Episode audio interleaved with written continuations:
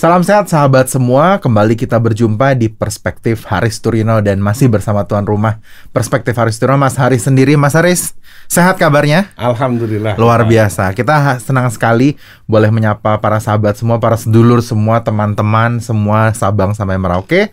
Dan kita harapkan teman-teman semua yang menyaksikan acara ini tetap memberikan dukungan dengan memberikan like, subscribe, dan juga komentar, serta menyalakan notifikasi lonceng pada kanal YouTube kita. Dan kita izin teman-teman untuk membuka masker dan kita terus mendukung Indonesia untuk tetap sehat dan pulih dari pandemi COVID-19. Kita sudah mengikuti seluruh protokol kesehatan sehingga kita mulai diskusi kita dengan sehat. Monggo, Mas Aris. Kita sudah masuk bulan November. November. Yes. Gak terasa ya? Jadi, Dalam kurang dari dua bulan kita akan meninggalkan tahun 2020 yang mencekam ini. 2021. Aduh kan, saking mencekamnya saya mau men- menolak lupa nih teman-teman karena 2021 tuh terasa begitu cepat ya, Mas ya. Ya. Saya pikir kalau Mas Aris mencatat 2021 tuh tahun seperti apa ya Mas ya? Iya, memang 2021 ini tahun di mana eh, pandemi masih berlanjut ya. Tidak pernah dipikirin waktu 2020. Apakah ini akan berlanjut ke 2021? Nah, sampai sekarang kalau kita lihat memang sudah sangat terkendali. Tetapi pembelajaran dari banyak negara lain menunjukkan bahwa masih mungkin terjadi gelombang yang ketiga untuk pandemi ini. Sehingga kita tidak tahu apakah eh, pandemi ini masih akan berlanjut di tahun depan.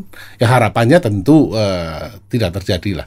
Cukup sudah derita kita. Iya ya, kita sudah hampir dua tahun ya menderita Ya. dengan pandemi ini. kasihan anak-anak sekolah ya yang harus sekolah dari rumah ya Eh, di level pendidikan tinggi mungkin masih oke tapi di level anak-anak kan mereka perlu bersosialisasi bergaul ya Dan kita sebetulnya teman-teman di bulan November ini sangat identik juga dengan kita memberikan selebrasi dan juga penghormatan untuk para pahlawan kita. Iya. Jadi memang dari mulai Agustus, September, Oktober, November tuh banyak sekali momentum-momentum dan puncaknya di Hari Pahlawan. Iya. Nah, kita tuh dalam konteks sekarang nih Mas sebetulnya kalau Mas Haris sendiri ngelihat pahlawan itu artinya apa sih maknanya gitu? Karena kan dimensinya sudah semakin luas, semakin dinamis. Iya. Dunia semakin digital sekarang. Jadi ada pahlawan viral sekarang kata jadi apa? Mas Haris punya penilaian apa sih sebagai konteks pahlawan itu? Iya, waktu saya kecil ya saya belajar eh, pahlawan gitu ya. Pahlawan bayangan kita adalah orang yang kemudian berjuang ya untuk kemerdekaan Republik Indonesia dan kemudian gugur ya. Atau ya berjuang di wilayah yang sekarang disebut Indonesia tentu saja. Itu bayangan saya.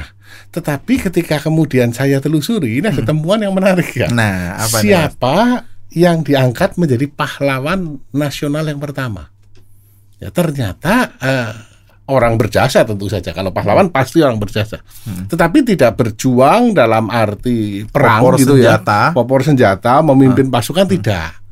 Ya, ternyata adalah seorang sastrawan, seorang wartawan, sekaligus seorang politisi. Ya, sebagai sastrawan dia adalah penulis salah asuhan. Oh, sangat Ya. terkenal karya Ya, itu. Abdul Muiz. Ah, Ya. Oke. Itu 30 Agustus tahun 59 mendapatkan gelar resmi pahlawan nasional, ada SK-nya. Satu tahun sesudah beliau wafat. Oke. Ya, sebagai seorang wartawan dia penulis aktif di eh, media The Express, juga di majalah Neraca ya. Oke. Dan sebagai politisi dia adalah anggota dari Volksrat. Oke. Ya, itu pahlawan nasional yang eh, pertama. Dan ketika saya telusuri ternyata eh, sampai sekarang ya terakhir adalah SK keluar di November tahun lalu ya. Ya. Ini eh, jumlah pahlawan di Indonesia ada 191 orang. Cukup kecil ya sejumlahnya Iya, kalau menurut jumlahnya cukup persentase ya? yang punya SK. Oh, yang punya Ya, SK. Yang punya SK. Sedangkan yang tidak punya SK tentu banyak. Orang-orang yang berjasa ya, tetapi tidak tercatat eh, tentu banyak. Ya. Nah, di dunia yang tadi Mas Angga katakan lebih modern, lebih terintegrasi teknologi Hmm. Iya. dan segala macam, ya, tentu kalau kita lihat definisi apa sih yang dikatakan Undang-Undang 20 tahun 2009 tentang pahlawan. Tadi jelas dikatakan adalah gelar yang diberikan kepada warga negara yang berjuang. Ya. Ya, kemudian gugur atau ada kata ataunya. Jelas, yaitu semasa hidupnya melakukan tindakan kepahlawanan dan menghasilkan prestasi serta karya yang luar biasa. Berarti memang tidak harus gugur dulu. Kalau dilihat dari eh, terminologi di pasal 1 eh, angka 4. Jadi secara harafiahnya tidak Secara ada harafiahnya, keharusan ya. Ya, tidak ada keharusan. Kemudian dijabarkan dengan PP ya. Hmm. Nah, Jadi kita nggak mesti masuk liang kubur dulu mestinya ya. Iya, dan kita lihat kan sekarang kan ada eh, sebenarnya orang yang banyak orang berjasa ya di pendidikan, ya di seni, Iya. di kesehatan, banyak sekali orang yang berjasa. Ya cuman mungkin dia tidak punya SK. Iya iya iya iya. Kira-kira seperti itu Mas Angga. Terus Mas kan sebetulnya kan kalau kita lihat konteks sekarang sebetulnya siapa aja sih pahlawan yang sebetulnya di Indonesia ini kalau Mas boleh petakan gitu apakah mereka yang sebetulnya kalau saya sendiri kadang-kadang pengen punya arti sempit gitu. Karena kadang-kadang kan saya belum tentu bisa relate gitu dengan perjuangan para uh, pejuang zaman dulu gitu. Cuman pahlawan saya sekarang mungkin guru-guru saya misalnya gitu. Ya. Karena dia suka atau tidak suka dia adalah yang mencetak pemikiran saya hari Ya. ini atau dulu ada abang-abang bakso yang saya utangin gitu karena Ya. saya anaknya lapar melulu gitu Mas. Tapi uang jajan cuma 1.500. Ya, ya, ya, ya. Tapi porsi dua porsi nggak dapat tahun Ya, ya, ya, ya. 97 gitu misalnya. Tapi apa sih Mas kita boleh nggak sih sedikit nyeleneh gitu ngelihat bahwa sebetulnya sosok di pahlawan di sekitar kita tuh juga banyak sebetulnya. Iya, jadi mungkin bisa diklasifikasikan Mas Angga. Ada pahlawan pada skala yang lebih kecil, ya. Ada pahlawan yang pada skala yang lebih besar, skala nasional. Kalau skala nasional tentu dampaknya terhadap nasional harus besar. Kalau di mata saya tentu siapa sih pahlawan terbesar Indonesia katakan. Di mata saya jelas eh, Bung Karno ya Iya. bersama Bung Hatta yang kemudian mampu menjadi presiden dan wakil presiden pertama di Indonesia ya memproklamirkan kemerdekaan Indonesia ini tentu pahlawan yang eh, paling besar di mata saya Ya. ya dan mampu menyatukan Indonesia yang sedemikian besar, sedemikian majemuk ya, punya komitmen bersama menjadi satu bangsa. Ini luar biasa sekali. Komitmennya, spiritnya menjadi satu bangsa. Padahal kalau kita lihat dari kultur, dari Ya. budaya, dari bahasa, dari Dan sejarah suku, juga ya, dari sejarah- sejarah sejarah kerajaan-kerajaan yang banyak kan berbeda-beda. Tapi spiritnya satu, yaitu membangun satu negara yang kemudian disebut Indonesia dan yang lebih penting lagi adalah ya bersedia mempertahankan kemerdekaan yang sudah diproklamirkan. Ini jasanya luar biasa kalau pada skala uh, nasional. Ya. Tentu saya tidak boleh mengabaikan pahlawan-pahlawan lain ya yang sudah gugur berjuang Ya. tentu banyak gitu. Pahlawan-pahlawan nasio- nasional lah. Katakan Cut Nyadin dan seterusnya di Ponorogo. Ya masih banyak yang lain. Tapi eh, kalau eh, subjektif di mata saya adalah eh, Bung Karno. Nah, kalau pada tataran yang lebih sempit ya, Ya. tentu eh, warteg ya. Nah, Nah, ini itu dia emang warteg ini penting. sangat ada di hati kita ya. Teman-teman juga hati. pasti sangat punya kenangan itulah minta nasi sama kuah. Iya. ya warteg yang ngutangi mahasiswa. ya. Ya, mahasiswa kiriman duitnya telat ya. Oh, bagi mahasiswa ini ini pahlawan ini. Itu Ya kan? penyambung kalau Bung Karno penyambung lidah rakyat dia penyambung perut Perut, mahasiswa. eh, mahasiswa. Nah, iya Ya, kan? Tentu tapi skalanya tentu berbeda ya betul. pada skala yang lebih kecil ya. Para TKI ya. Mm, Para TKI adalah pahlawan devisa katanya. mm. Ya walaupun tentu harapannya ya ke depan kita tidak perlu ngirim TKI yang unskill ya. Iya. Seharusnya kita ngirim tenaga-tenaga terampil dan akan banyak dibutuhkan tenaga-tenaga terampil. Katakan di Jepang Iya. ya tenaga nurse ya. Ya. Ini luar biasa di Eropa, di Singapura sekarang mulai kekurangan banyak nurse ya. Betul, betul. Sehingga kalau tenaga-tenaga terampil eh, bisa diekspor. Ya. Dan penghasilannya pun penghasilannya Insya Allah lebih bagus ya, besar. Sedangkan kalau yang unskill memang harapannya ke depan Indonesia mampu lah menampung ini. Iya. Kira-kira seperti itu Mas Aga. Waduh, tapi kalau misalnya gini mas, kadang-kadang teman-teman kita tidak, kita sangat menyadari lah kadang-kadang setiap tahun pengumuman di menjelang 10 November penambahan pahlawan tuh kebanyakan dominasi laki-laki tuh mas. Ya, nah, di ya. spek- perspektif gender pun ternyata banyak sekali karena secara sosiokultural memang dari zaman dulu yang maju ke medan perang kebanyakan Ya. gender laki-laki. Hmm. Terus kemudian sampai sekarang pun misalnya dalam bidang sains, dalam teknologi kebanyakan masih laki-laki. Iya, iya. Tapi ada Mas Haris punya perspektif sendiri nggak sih terhadap kepahlawanan dari dari kelompok perempuan karena suka atau tidak suka mereka sebenarnya kadang-kadang behind the screen. Iya, mereka selalu iya, berada iya, di iya, belakang iya. layar gitu, Mas. Ya memang eh, sebenarnya banyak sekali ya perempuan-perempuan yang berjasa di Indonesia ya. Eh, seorang ibu rumah tangga ya yang mampu mengatur eh, keuangan keluarganya ya di tengah gaji suaminya yang sangat terbatas ya. Betul. Eh, mampu mendidik anak-anaknya dengan baik ya. Iya. Tentu punya prestasi yang luar biasa sehingga sebenarnya ini adalah pahlawan-pahlawan di dalam eh, keluarga.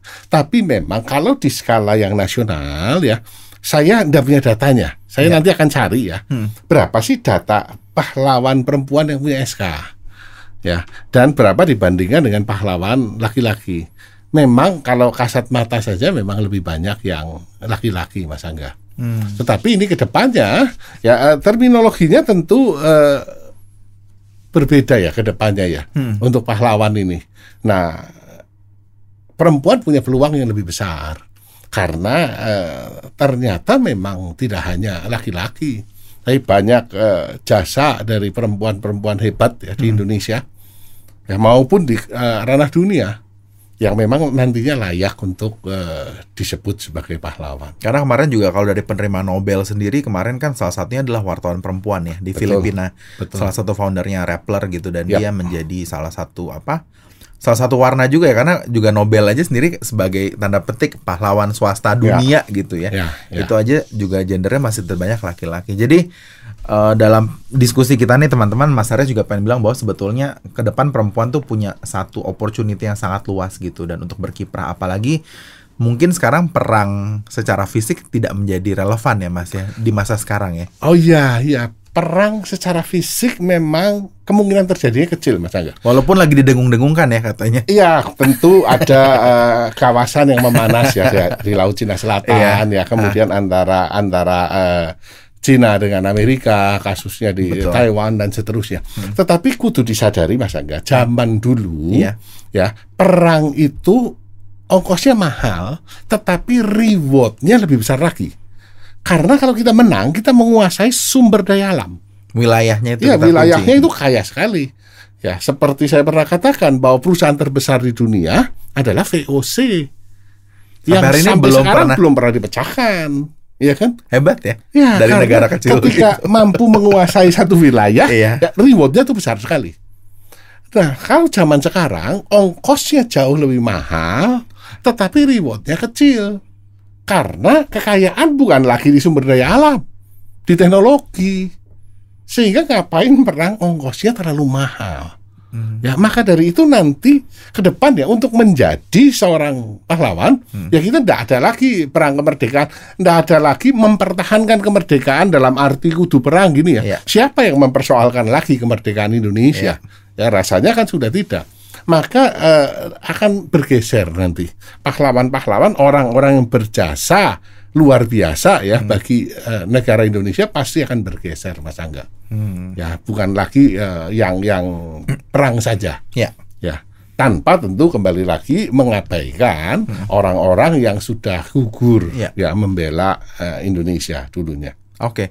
Dan tadi sudah dijelaskan juga bahwa eh, perang secara fisik tuh te- teman-teman sekarang nih selain tidak tanda petik relevan juga memang ongkosnya terlalu mahal dan secara rewardnya nggak semenarik zaman dulu. Jadi mestinya ada perang yang lebih cantik mungkin seperti proxy war ya mas. Tapi Ya. itu nanti someday kita akan bahas lah kemarin kita sudah bahas infrastruktur langit. Untuk proxy war nanti juga akan sangat menarik. Tapi sekarang gini mas dalam dimensi politik gitu. Sekarang kan untuk jadi tokoh besar tuh peluangnya nggak nggak nggak banyak lah Ya. kasarnya. Karena kan dunia ini semakin kompetitif dan challenge-nya semakin besar. Ya. Kalau di Indonesia ini kita ngomong tokoh sentral kan selalu presiden. Betul. Ya kan dari Bung Karno, Pak Harto, Habibie dan seterusnya sampai sekarang Pak Jokowi. Apakah presiden tuh kalau di mata Mas Haris tuh bakal pasti jadi pahlawan? Nah, Asik. soalnya kan dari mereka sendiri kan eh, Pak Harto sudah mangkat, sudah Ya. berpulang gitu. Ya. Abdurrahman Wahid pun sudah berpulang. Iya. Yang lain kan masih iya. masih ada gitu. Ya. Nah, itu Jadi, apa? Piye, ya, Mas? gini Mas Angga, eh, tadi dua hal ya. Yang pertama adalah Hmm. soal eh, berpulang. Ya, soal berpulang. Jadi memang kelihatannya ya, kalau kita baca dari undang-undangnya, rasanya tidak ada syarat untuk berpulang. Nggak diharuskan Ya itu itu itu uh, uh, Harafiahnya. harafiahnya. Harafiahnya. Tetapi tetapi Mas Angga ya, kenapa sih hanya diberikan kepada yang sudah berpulang? Hmm. Sama seperti Santo ya. Santo tentu Orang kudus ya? orang kudus Ah, ya di konsep Katolik ya. Setelah eh, wafat ya. Nah, mungkin karena Mas Angga pada satu periode waktu tertentu sangat berjasa. Ya, tetapi misalkan setelah dikasih gelar pahlawan, masih hidup dikasih gelar Iya. pahlawan, ternyata di belakangnya eh, bermasalah. Ya, ini akan menjadi satu beban tentu bagi negara. Eh, di mata saya tidak semua presiden harus jadi pahlawan. Eh, Ini keras sekali loh pernyataan Ya, ya. itu karena maksudnya kan presiden itu legitimasinya kan kuat Oke, sekali mas. eh, ya beberapa kali Pak Harto diusulkan satu contoh ya, pahlawan pembangunan katanya. Ya memang membangun betul, membangun ya. Banyak sisanya hari ini kita nikmati. Ah, betul. Tetapi kita lihat endingnya. Ya walaupun tidak ada keputusan pengadilan yang eh, inkrah ya, yang tetap ya. Tetapi kan eh, persepsi dari masyarakat adalah melakukan satu tindakan yang eh, tidak pas. Ya dianggap eh, apa eh, korup ya. Ya. Dianggap memang belum diputuskan oleh pengadilan. Ini harus dicatat. Sehingga tentu akan menimbulkan perdebatan yang luar biasa kalau beliau diangkat menjadi eh, pahlawan. Ya, kemudian satu contoh yang lain adalah Pak Habibie misalkan, ya pahlawan teknologi. Oh teknologinya luar biasa. Mungkin salah satu putra bangsa terbaik ya. Ya di hari- bidang teknologi. Betul. Nah, Kedirgantaraan tetapi khususnya. yang jadi persoalan adalah orang mempersoalkan eh, gagal mempertahankan kedaulatan misalkan di Timur Timur. Dan itu cukup berat ya mas. Ya itu akan berat sekali. Sehingga eh, tidak bisa eh, akan timbul perdebatan lah. Karena konsep kepahlawanan adalah kesepakatan, Mas Angga. Oh konsesi Iya, sebetulnya. Ya tentu saja. Konsesi kesepakatan nasional sepakat enggak sih? Orang ini layak dah, ya kan? Diangkat menjadi pahlawan nasional, jasanya dilihat, ya. Itu yang eh, terjadi Mas Angga. Nah kalau Pak Jokowi katakan ya, sekarang kan dianggapnya eh, hebat sekali membangun infrastruktur kita sudah bahas darat, laut, eh, udara, dan harapannya ke depan nanti langit ya. Ya. Nah, tentu pada sekarang hebat eh, pahlawan in- infrastruktur kalau boleh dikatakan. Iya. Tapi tetapi tentu eh, kita lihat sejarah perjalanan berikutnya eh, seperti apa. Ya. Ini akan eh, menjadi hal yang menarik. Satu contoh prestasinya katakan eh, Undang-Undang Cipta Kerja lah satu contoh ya. Iya. Ini kan sebenarnya di samping infrastrukturnya dibangun ya, perizinannya supaya orang mau masuk kan Iya. izinnya harus gampang ya. Dipermudah betul. Nah, maka ada omnibus law di sana ya. Kemudian omnibus law di perpajakan yang kita Iya. sudah bahas. Hmm. Ya. Nah, tetapi apakah 10 20 tahun lagi kita lihat apakah memang masih pas ya? Pada zamannya tentu pas. Nah, nanti kita akan lihat. Karena sifatnya kan sangat periodik. Ya. Berarti akan panjang ya kalau buat kayak misal Pak Jokowi sekarang umurnya berapa 60-an ya? Oh sekarang? ya, semoga eh, apa namanya kan eh, sehat selalu lah. Kalau Oh, Pak. Jokowi itu hebatnya sehat terus. Iya. Ya, tadi eh, Mas Angga pernah ngomong empon-emponnya Iya, kuat. empon-emponnya ya. kuat, Ah, ya. Jamunya memang kuat ya sehingga saya lihat ya kunjungan jadwal Pak Jokowi ini Heeh. eh, dari Italia, Glasgow ke Uni Arab Emirat ya. Mengerikan. Nggak ada capeknya. Iya loh. saya tidak bisa bayangkan ya pendampingnya. Saya capek itu kunjungan seperti itu dalam Sekarang waktu aja- yang sangat singkat. Teman-teman kalau ngeliat di media sosial ya dalam Ya. kunjungan kerja kali ini tuh udah banyak menteri-menteri ke Depok mas sekarang. Soalnya ada Menko Perekonomian duduk di tangga, Bu Sri Mulyani Ya duduk kalau itu mungkin lagi, nyender. lagi relax dan Lagi- itu menjadi point of interest bagi wartawan. Nah, jadi kalau itu, Jadi bisa kita lihat dalam dua aspek ya. Atau Ya. Bu Retno makan kemarin saya lihat dia ngepost makan nasi kotak lah segala ya, macam itu. ya. Jadi Tapi Pak Jokowi memang luar biasa secara fisik itu luar biasa ya. berarti sebetulnya kalau Mas Haris bilang udah clear ya bahwa seorang presiden walaupun dia tokoh nasional iya, dan iya. besar, Besar ya. kita sudah nggak bisa bantah gitu apa pun ceritanya belum tentu ya. Iya. Di suatu hari mereka dapat tergantung konsen. kesepakatan dari anak cucu kita nantinya kan. Hmm. Nah, apakah memang dipahlawankan, dijadikan pahlawan Iya. nantinya atau tidak? Oke. Nah, Nah terus Mas kalau misalnya saya bisa uh, pengen ngobrol juga soal masalah uh, Mas Haris punya nggak sih idola pahlawan yang cukup mengena gitu buat Mas Haris gitu secara pribadi gitu. Ada nggak sih sosok pahlawan yang Mas Haris kagumi gitu? Ada nggak Mas? Ya seperti saya katakan, uh, Bung Karno.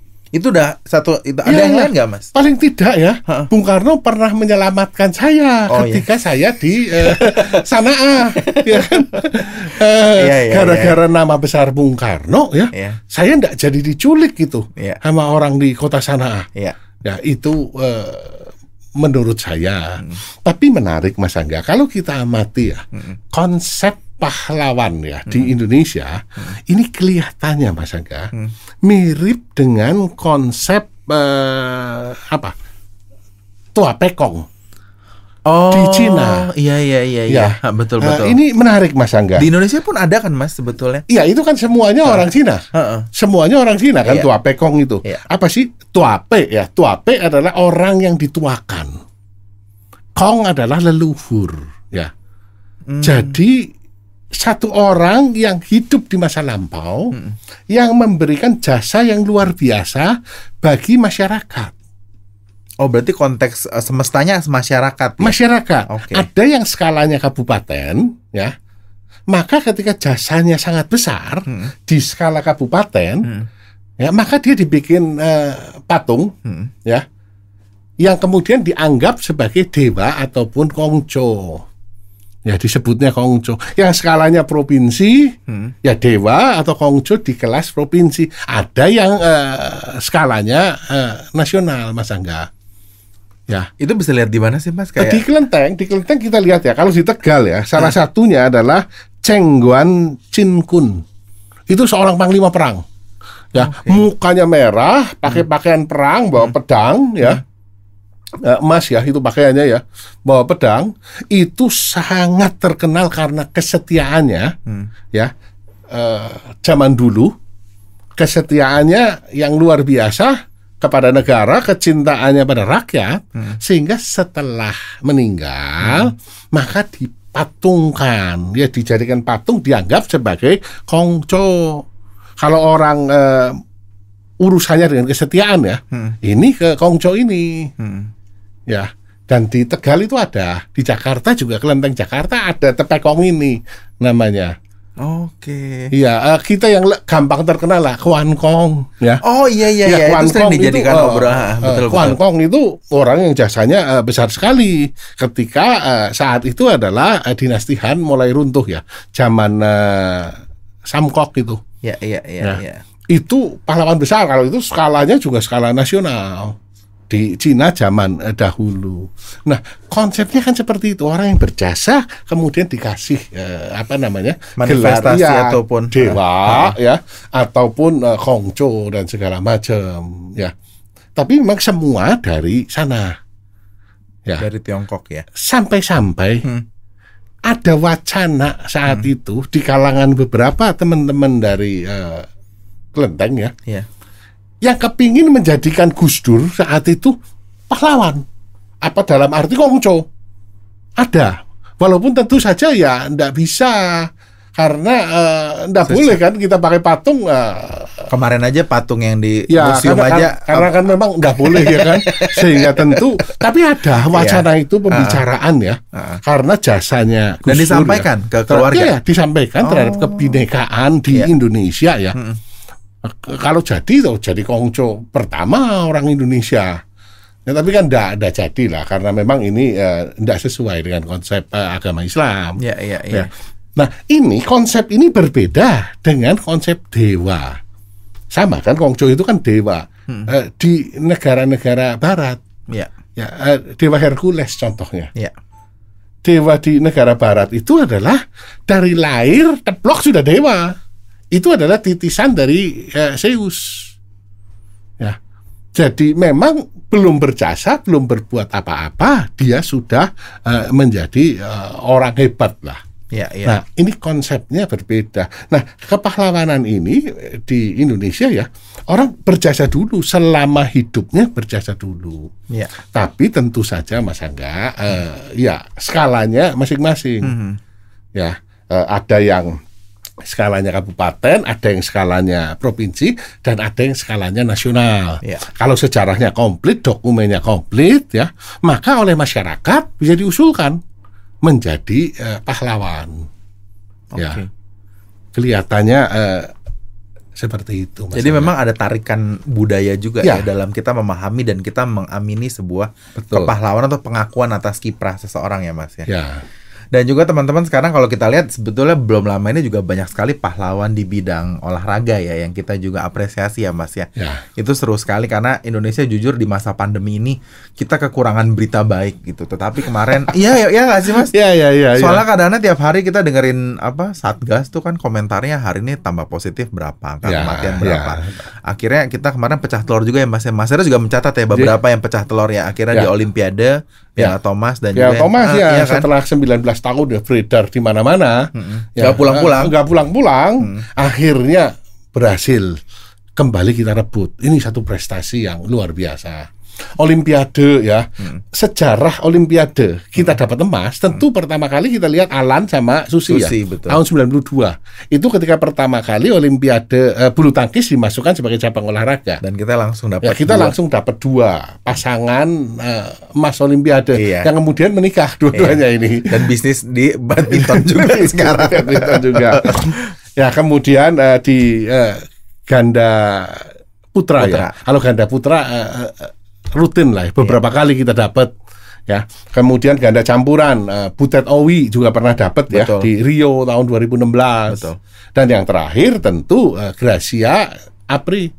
Ya, kemarin belum pernah terjadi. Kita belum pernah di ganda putri kita belum pernah. Seumur hidup Seumur negara ini hidup. berdiri. Ha-ha. Eh, belum pernah ya dan tradisi emas olimpiade itu selalu terjadi kecuali eh, di London 2012 jangan tanya itu zamannya presidennya siapa jangan tanya nggak ada urusannya Silakan soalnya ya dijawab kan? di kolom komentar ya.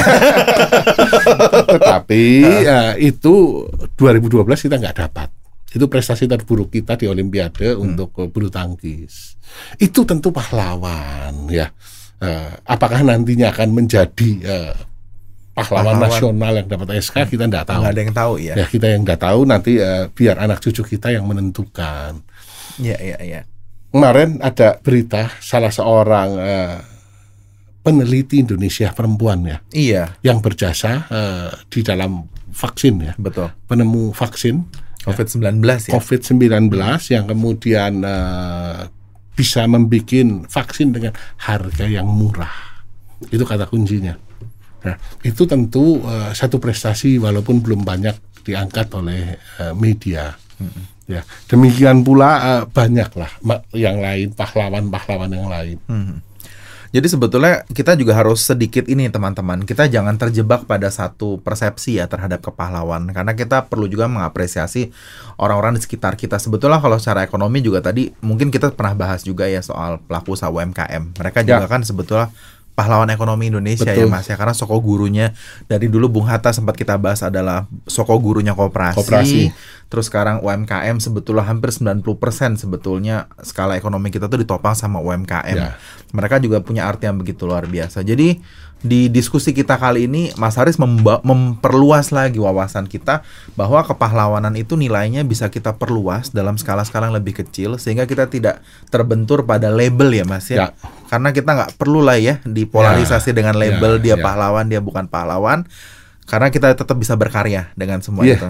Jadi eh, pesannya Mas Angga sebagai penutup ya, Iya. eh, kita berusahalah jadi insan yang berguna di dalam hidup ini, Eh, insan yang berguna bagi keluarga kita dulu tentu, ya bagi masyarakat di sekitar kita dan tentu bagi negara supaya kita bisa menjadi pahlawan bagi orang-orang yang di sekitar kita. Rasanya pas kalau saat ini kita mengucapkan Ya. selamat Hari Pahlawan 10 November. Luar biasa. Assalamualaikum warahmatullahi wabarakatuh.